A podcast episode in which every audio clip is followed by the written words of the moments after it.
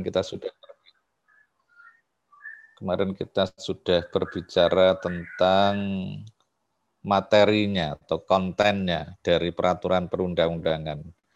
Nah, agar peraturan perundangan itu mempunyai kekuatan mengikat berlaku secara hukum, maka harus ada pengundangan. Pengundangan itu dilakukan oleh pihak eksekutif kalau di dalam sistem perundangan kita, yaitu lewat sekretariat negara yang dalam hal ini adalah kalau di pemerintahan pusat Mensesnek ya.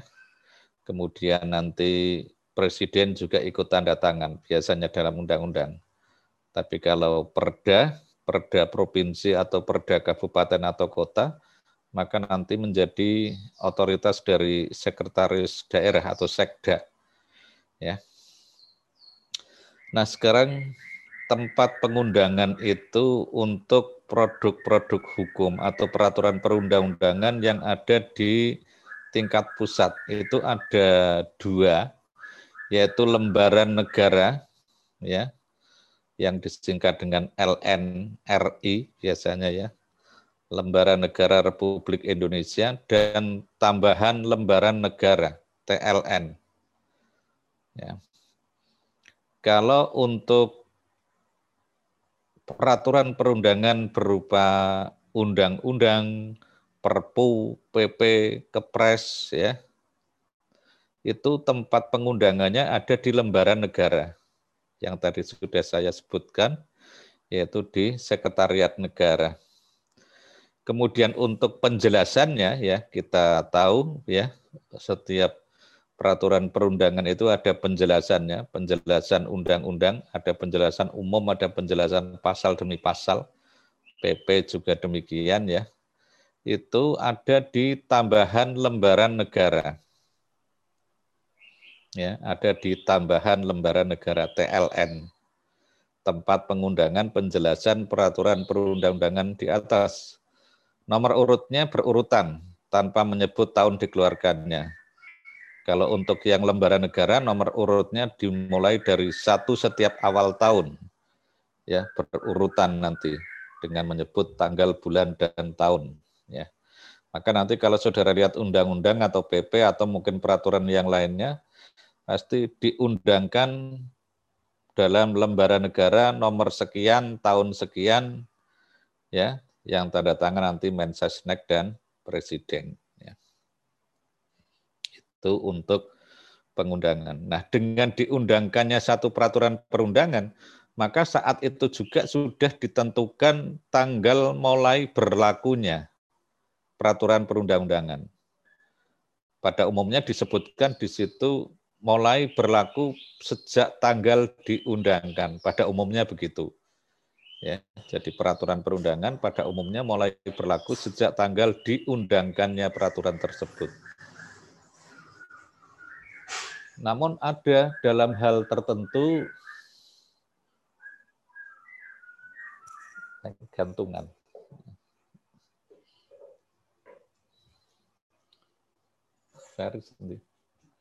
Bentar ya.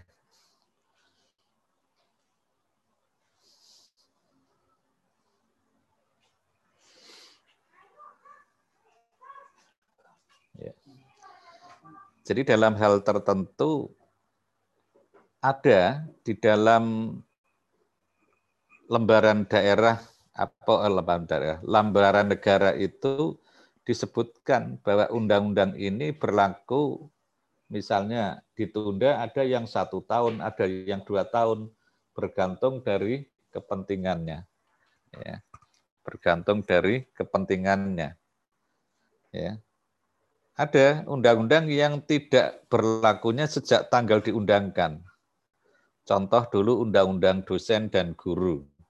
Itu kalau tidak salah dua tahun ya, dua tahun atau tiga tahun gitu ya. Sejak tanggal diundangkannya. Mengapa? Karena kalau undang-undang dosen dan guru pada waktu diundangkan langsung diberlakukan, maka yang terjadi apa? Banyak korbannya. Karena pada saat itu masih banyak guru-guru dan dosen yang belum memenuhi syarat-syarat sebagaimana diatur dalam undang-undang itu Nah, oleh karena itu, maka pemberlakuannya ditunda dua tahun atau tiga tahun setelah undang-undang itu diundangkan dengan harapan nanti pada saat berlaku itu sudah pada menyesuaikan syarat-syarat untuk menjadi dosen minimal S2, syarat menjadi guru SMP, SMA minimal S1 itu sudah terpenuhi. Tapi kalau diberlakukan sejak tanggal diundangkan, maka nanti rontoklah para guru dan dosen banyak yang tidak memenuhi syarat sesuai dengan yang diatur dalam undang-undang itu bisa berbahaya. Contoh lain, ada undang-undang tentang pengadilan agama. Undang-undang pengadilan agama itu berlakunya juga tidak bersamaan dengan tanggal pengundangan. Mengapa? Karena kalau diberlakukan pada saat itu pengadilan agama belum siap. Jadi pada waktu itu kan pengadilan agama bernaung di bawah Depak, Departemen Agama. Tapi karena mau dialihkan semuanya di bawah naungan Mahkamah Agung, maka harus persiapan mereka yang semula di bawah Depak beralih ke bawah Mahkamah Agung semuanya. Semua badan peradilan berada di bawah naungan Mahkamah Agung. Sehingga pemberlakuan Undang-Undang PA pada waktu itu diberikan waktu jeda tidak pada saat tanggal diundangkannya. Nah, itu contoh pemberlakuan undang-undang yang tidak terkait langsung ya pada saat tanggal diundangkan karena di situ secara eksplisit disebutkan tidak bersamaan dengan tanggal pengundangan ya. Kemudian eh, yang berikutnya adalah berita negara. Berita negara itu tempat pengumuman, bukan tempat pengundangan peraturan perundangan ya. Tapi tempat pengumuman berita resmi seperti pendirian PT, anggaran dasar perseroannya, yayasan dan lain sebagainya. Itu ada di berita negara ya, kayak misalnya Muhammadiyah itu ADART-nya kalau ada perubahan maka harus setor ke Kementerian Dalam Negeri sebagai pembina ormas, maka nanti anggaran dasar yang disahkan perubahan itu nanti disimpan dalam berita negara. Karena Muhammadiyah termasuk organisasi yang resmi secara hukum dari awal berdirinya sudah diakui oleh negara. Ya, bahkan pada zaman pemerintahan Belanda Muhammadiyah sudah diakui resmi sebagai organisasi kemasyarakatan ya. Oke, itu tempat pengundangan. Jadi ada lembaran negara, ada tambahan lembaran negara itu untuk produk-produk hukum tingkat pusat. Nah, kemudian yang berikutnya adalah ada peraturan-peraturan yang dibuat di tingkat daerah. Maka tempat pengundangannya ada di lembaran daerah Nah, itu. Jadi ada di lembaran daerah. Tempat pengundangan perda dan keputusan kepala daerah yang bersifat mengatur. Di situ dikelompokkan menjadi empat seri, ya. Ada seri A, lembaran daerah seri A, seri B, C, dan D. Masing-masing punya tempat untuk pengundangan peraturan daerah yang berbeda-beda. Kalau untuk seri A itu untuk lembaran daerah yang dipakai untuk pengundangan perda tentang pajak daerah. Kemudian seri B, tempat pengundangan perda tentang retribusi daerah. Sedangkan seri C, tempat pengundangan perda yang memuat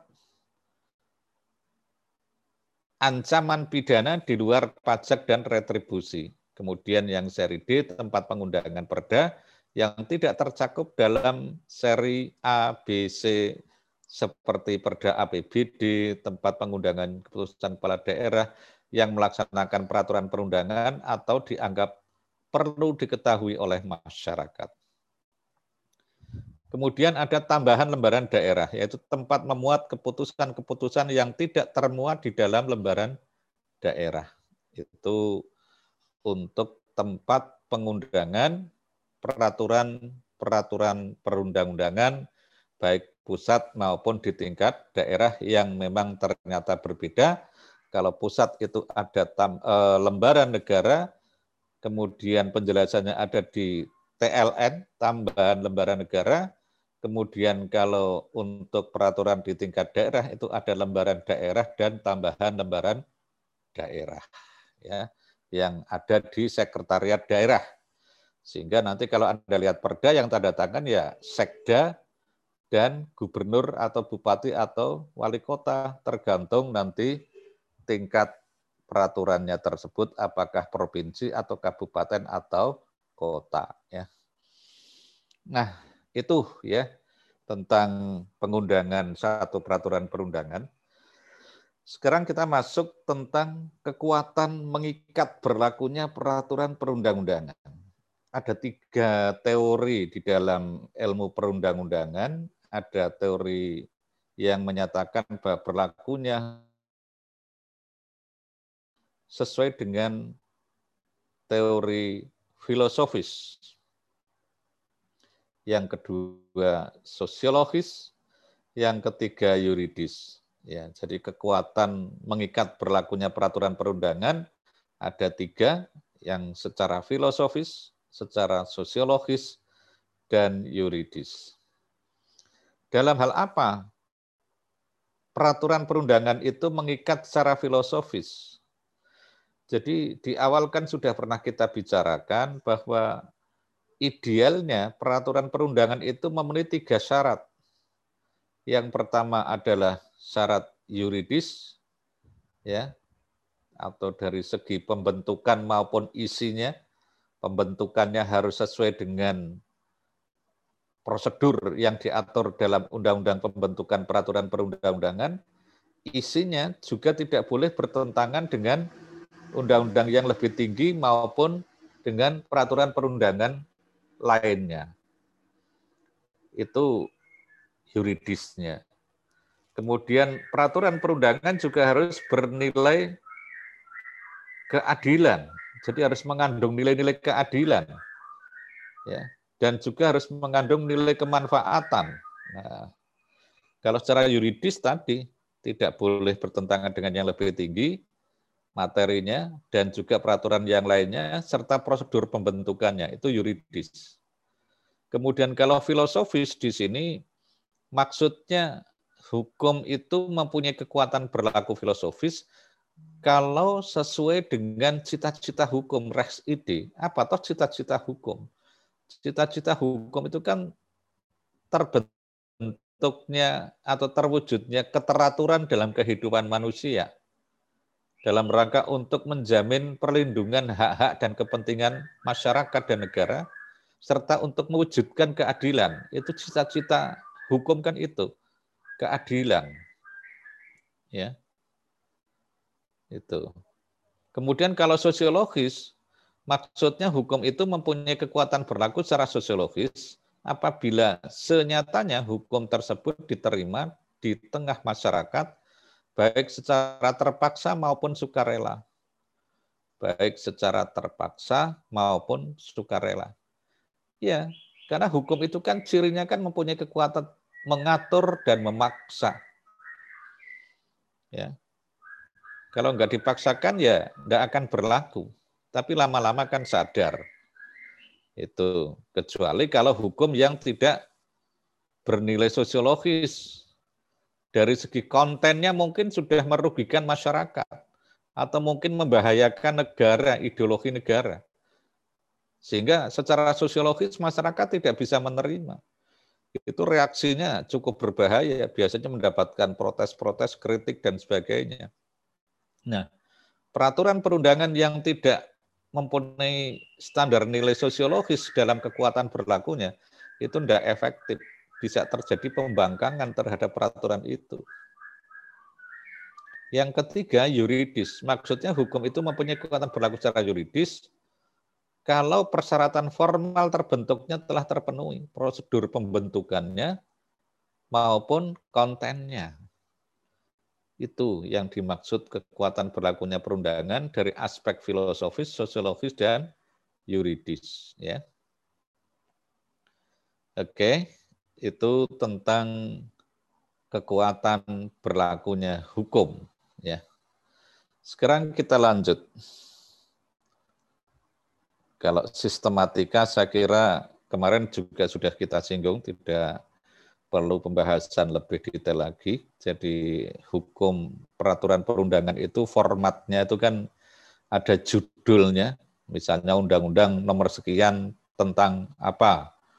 Tentang perkawinan, tentang lingkungan hidup, atau tentang pemberantasan korupsi, atau tentang ormas, atau tentang apa pun ya, itu judul. Kemudian ada konsideran. Konsideran itu yang melatar belakangi dibentuknya peraturan serta landasan dibentuknya peraturan tersebut. Itu ada di dalam konsideran. Kalimatnya biasanya menimbang, memperhatikan, dan menetapkan. Ya. Kemudian ada batang tubuh. Batang tubuh itu mulai bab-bab dan pasal-pasal serta ayat-ayat mulai dari bab pertama hingga bab terakhir, pasal pertama hingga pasal terakhir, ayat pertama hingga ayat terakhir. Itu namanya batang tubuh. Ya. Yang diakhiri dengan penutup. Penutup itu biasanya itu ya eh, undang-undang ini berlaku sejak kapan dan seterusnya ya. Kemudian undang-undang ini eh, menggantikan dan sebagainya Nah, itu biasanya di aturan yang paling terakhir itu penutup. Kemudian penjelasan diperlukan ya. Penjelasan itu bila diperlukan, tapi pada umumnya undang-undang itu semuanya ada penjelasannya. Yang biasanya formatnya ada penjelasan umum, ada penjelasan pasal demi pasal. Yang keenam, lampiran jika diperlukan. Ya, tidak semua undang-undang itu ada lampirannya. Itu hanya bila diperlukan saja. Misalnya undang-undang tentang narkotika, ada lampirannya untuk menentukan jenis-jenis narkotika golongan 1, 2, 3, itu ada semuanya. Nah, itu tentang sistematika perundang-undangan ya. Saya kira dulu sudah pernah kita bahas, tidak usah kita ulang, hanya ini kebetulan slide-nya kok muncul terakhir ya. Sekarang mulai berlakunya Sejak kapan mulai berlakunya perundang-undangan? Tadi sudah kita bicarakan ketika berbicara pengundangan ya. Yang pertama disebutkan secara eksplisit ya. Dalam perundang-undangan itu sendiri sejak tanggal diundangkan atau dengan tenggang waktu tertentu. Ya. Jadi bisa pada saat tanggal diundangkan itu mulai berlaku bisa diberikan tenggang waktu tertentu. Ya. Itu itu itu untuk mulai berlakunya. Makanya tadi saya berikan contoh ada undang-undang yang pada umumnya ya pada umumnya itu berlakunya ya sejak tanggal diundangkan berlaku.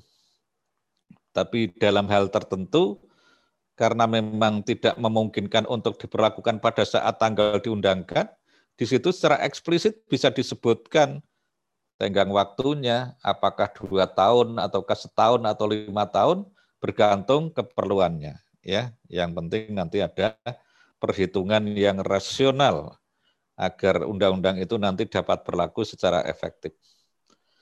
Yang kedua, apabila tidak disebutkan secara eksplisit di dalam peraturan perundangan yang bersangkutan, maka berlaku pasal 13 Undang-Undang Nomor 2 Tahun 50. Meskipun ini kecil kemungkinannya terjadi ya karena yang namanya draft rancangan peraturan perundangan itu kan tahapannya kan sudah sangat rigid detail ya dan pembahasan yang sangat teliti tidak sembrono mestinya. Makanya saya kalau sering ada peraturan perundangan diundangkan kok salah ketik itu kadang-kadang bisa ada unsur kesengajaan ya. Biar kalau nanti tidak ada komplain nanti yang berlaku ya yang keliru itu yang dikelirukan ya.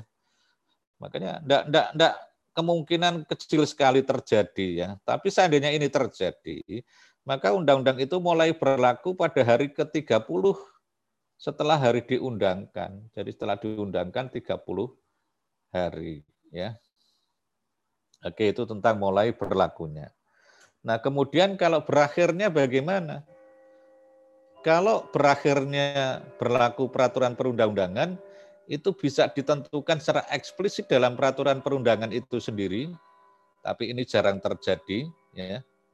Kebanyakan undang-undang itu tidak ditentukan masa berakhirnya, tapi ada juga kalau memang itu peraturan yang sifatnya hanya eh, temporer, ya, tidak untuk selamanya, tapi untuk sementara waktu. SK, ya, peraturan itu sering kan ada masa periodenya, ya Kemudian yang kedua, bisa masa berakhirnya dicabut secara tegas atau secara eksplisit oleh perundang-undangan lain.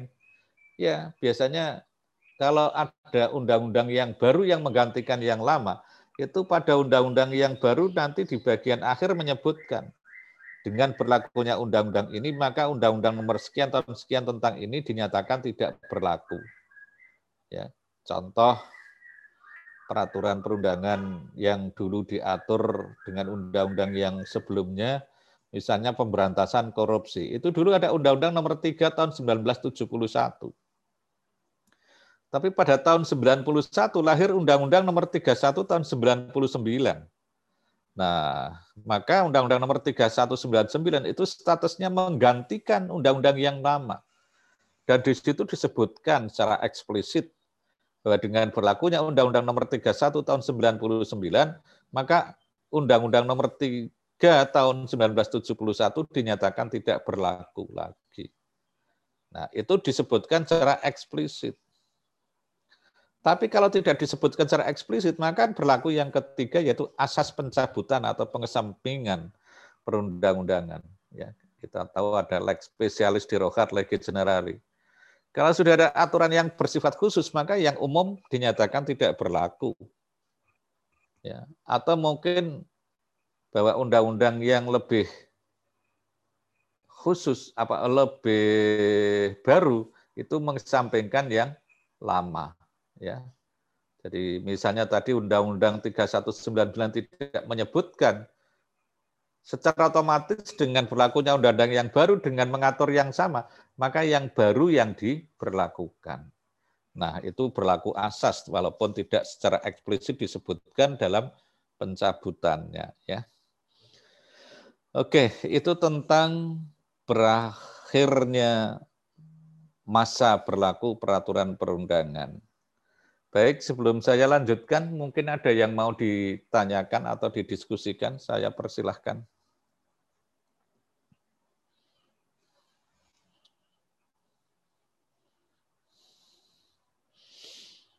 Enggak ada?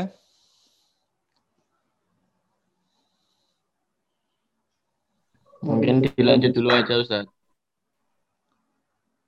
Baik. Kalau tidak ada, saya lanjutkan karena ini tinggal yang poin terakhir ya, yaitu tentang judicial review atau hak menguji peraturan perundang-undangan. Ada yang menggunakan istilah Toetsingreh dalam bahasa Belanda ya. Tapi dalam bahasa Inggrisnya yang populer di negara kita judicial review atau GR ya. Uh, eh, GR ataukah Toetsingreh itu dibedakan menjadi dua macam, yaitu formal Toetsingreh atau formal judicial review dan material Toetsingreh atau material judicial review. Kalau yang formal Toetsingreh atau judicial review itu wewenang untuk menilai apakah suatu perundang-undangan itu cara pembentukannya serta cara pengundangannya sudah sesuai dengan ketentuan yang berlaku. Jadi ini tentang prosedur. Kalau prosedur pembentukannya suatu peraturan perundangan itu tidak sesuai dengan peraturan yang berlaku, maka bisa di judicial review. Namanya judicial review yang formal atau formal Toetsingreh. Tapi kalau yang dicermati, yang mau diajukan penilaian atau yang diajukan pengujian itu isinya ya bu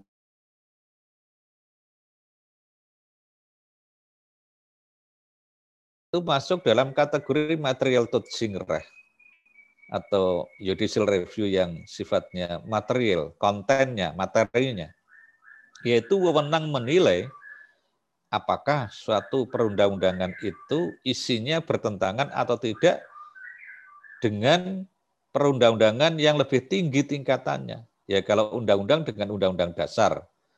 Kalau PP ke bawah bertentangan dengan undang-undang misalnya. Itu material tot singreh. Ya. Jadi ada dua macam. Judicial review formal dan judicial review material. Material tot singreh dan material apa formal tot singreh dan material tot singreh ya. Itu tentang jenis atau macam judicial review. Nah, sekarang bagaimana pengajuannya? Kalau yang mau dicermati, yang mau dinilai itu adalah undang-undang dasar, itu kewenangan tunggal dari MPR. Jadi tidak ada lembaga apa pun kecuali MPR yang berwenang menilai, menguji dari undang-undang dasar. Itu MPR. Karena MPR memang lembaga tertinggi negara yang bisa menilai, mengevaluasi undang-undang dasar adalah lembaga MPR. Hmm. Termasuk judicial review. Ya. Kemudian kalau undang-undang ya. Undang-undang itu yang berwenang menguji atau yang berwenang menilai adalah Mahkamah Konstitusi. Nah, sehingga kalau ada pengujian atau permohonan pengujian atau judicial review terhadap undang-undang, itu yang berwenang menilai adalah Mahkamah Konstitusi, sehingga diajukannya juga ke Mahkamah Konstitusi. Nanti dinilai apakah bertentangan dengan undang-undang yang lebih tinggi. Apa undang-undang yang lebih tinggi? Ya undang-undang dasar atau TAP MPR. Nah, kalau memang nanti ada temuan betul dalam pengujiannya, maka di situlah nanti Mahkamah Konstitusi akan memutuskan apakah betul ada pasal yang dimohonkan itu bertentangan dengan Undang-Undang Dasar atau tidak. Kalau iya nanti dinyatakan tidak berlaku mengikat secara hukum pasal yang bersangkutan. Tidak seluruh undang-undangnya, tapi pasal saja yang dinyatakan dinilai tidak sesuai atau bertentangan dengan undang-undang yang lebih tinggi. Sedangkan untuk peraturan perundang-undangan di bawah undang-undang seperti PP ke bawah, Perda termasuknya Permen, Kepres, Inpres ya, itu kalau nanti diajukan judicial review, yang berwenang menilai adalah Mahkamah Agung. Ya, jangan salah alamat. Kalau PP ya ke Mahkamah Agung. Kalau undang-undang itu ke Mahkamah Konstitusi. Saya kira itu tambahannya. Nanti literatur-literatur yang lebih detail tolong dibaca ya di dalam buku apa saja yang terkait dengan materi yang sudah kita bicarakan anda berhak untuk membacanya dan itu saya anjurkan ya. Sehingga wawasan Anda tidak sesempit apa yang saya sampaikan karena ini hanya sebatas sebagai pengantar untuk menelaah literatur-literatur yang menjadi daftar pustaka atau literasi dari mata kuliah hukum tata negara, termasuk peraturan perundang-undangannya, nanti ada undang-undang Mahkamah Konstitusi, ada undang-undang Mahkamah Agung, ya itu nanti silahkan Anda baca. Saya kira itu mungkin yang bisa saya sampaikan terkait dengan hukum perundang-undangan. Silahkan kalau mau ada yang didiskusikan, saya berikan kesempatan kembali. Monggo.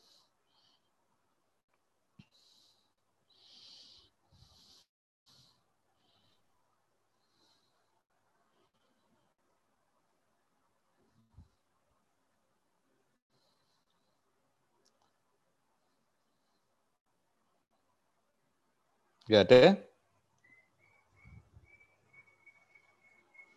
Kalau tidak ada, sambil saya checklist kehadirannya karena tadi belum sempat ya. Untuk kelas A, Eiger Kamal. Hadir Ustaz. Ahmad Rizki. Hadir Ustaz. Dimas Novaldi. Hadir Ustaz. Ya. Fadil. Fadil. Fadil ke kamar mandi Ustaz. Izin kamar mandi Ustaz. Oke. Habibur Rahman, Hadir Ustaz. Isa An-Nafi, Hadir Ustaz. Kanugrahan Sejati, Hadir Ustaz. Maulan Ilhamul, Maulan, tidak ada keterangan. Miftahul Khair, Hadir Ustaz. Misaul Hadir. Ridwan Furqani, Ridwan, tidak ada keterangan. Rifki Yuanda, Rifki Yuanda, tidak ada keterangan juga. Berarti tiga ya untuk kelas? A ya. Apa Ustaz Eh, Ridwan Furkoni ada Ustaz? Oke. Kalau Rifki Yuanda tidak ada keterangan. Afwan Ustaz, buat Yonda terakhir kali demam Ustaz, kondisinya masih sakit. Oh sakit ya. Iya Ustaz. Oke. Berarti hanya satu ya, Maulan Ilhamul ya, yang tidak ada keterangan ya. Baik, yang berikutnya kelas B. Ahmad Hafid, Hadir Ustaz. Ahmad Saidi, Hadir Ustaz. Ahmad Zakwan, Hadir Ustaz. Arman Nurdin, Hadir Ustaz. Badrut Tamam, Hadir Ustaz. Fawas keluar ya. Muhammad Jihan, ada. Hadir Ustaz. Kemudian Muhammad Akmal, Hadir Ustaz. Muhammad Afan yang sudah. Muhammad Ghazan, Hadir Ustaz. Muhammad Nur Faizi, Hadir Ustaz. Muhammad Rausan, Hadir Ustaz. Rifan Aditya. Hadir Ustaz.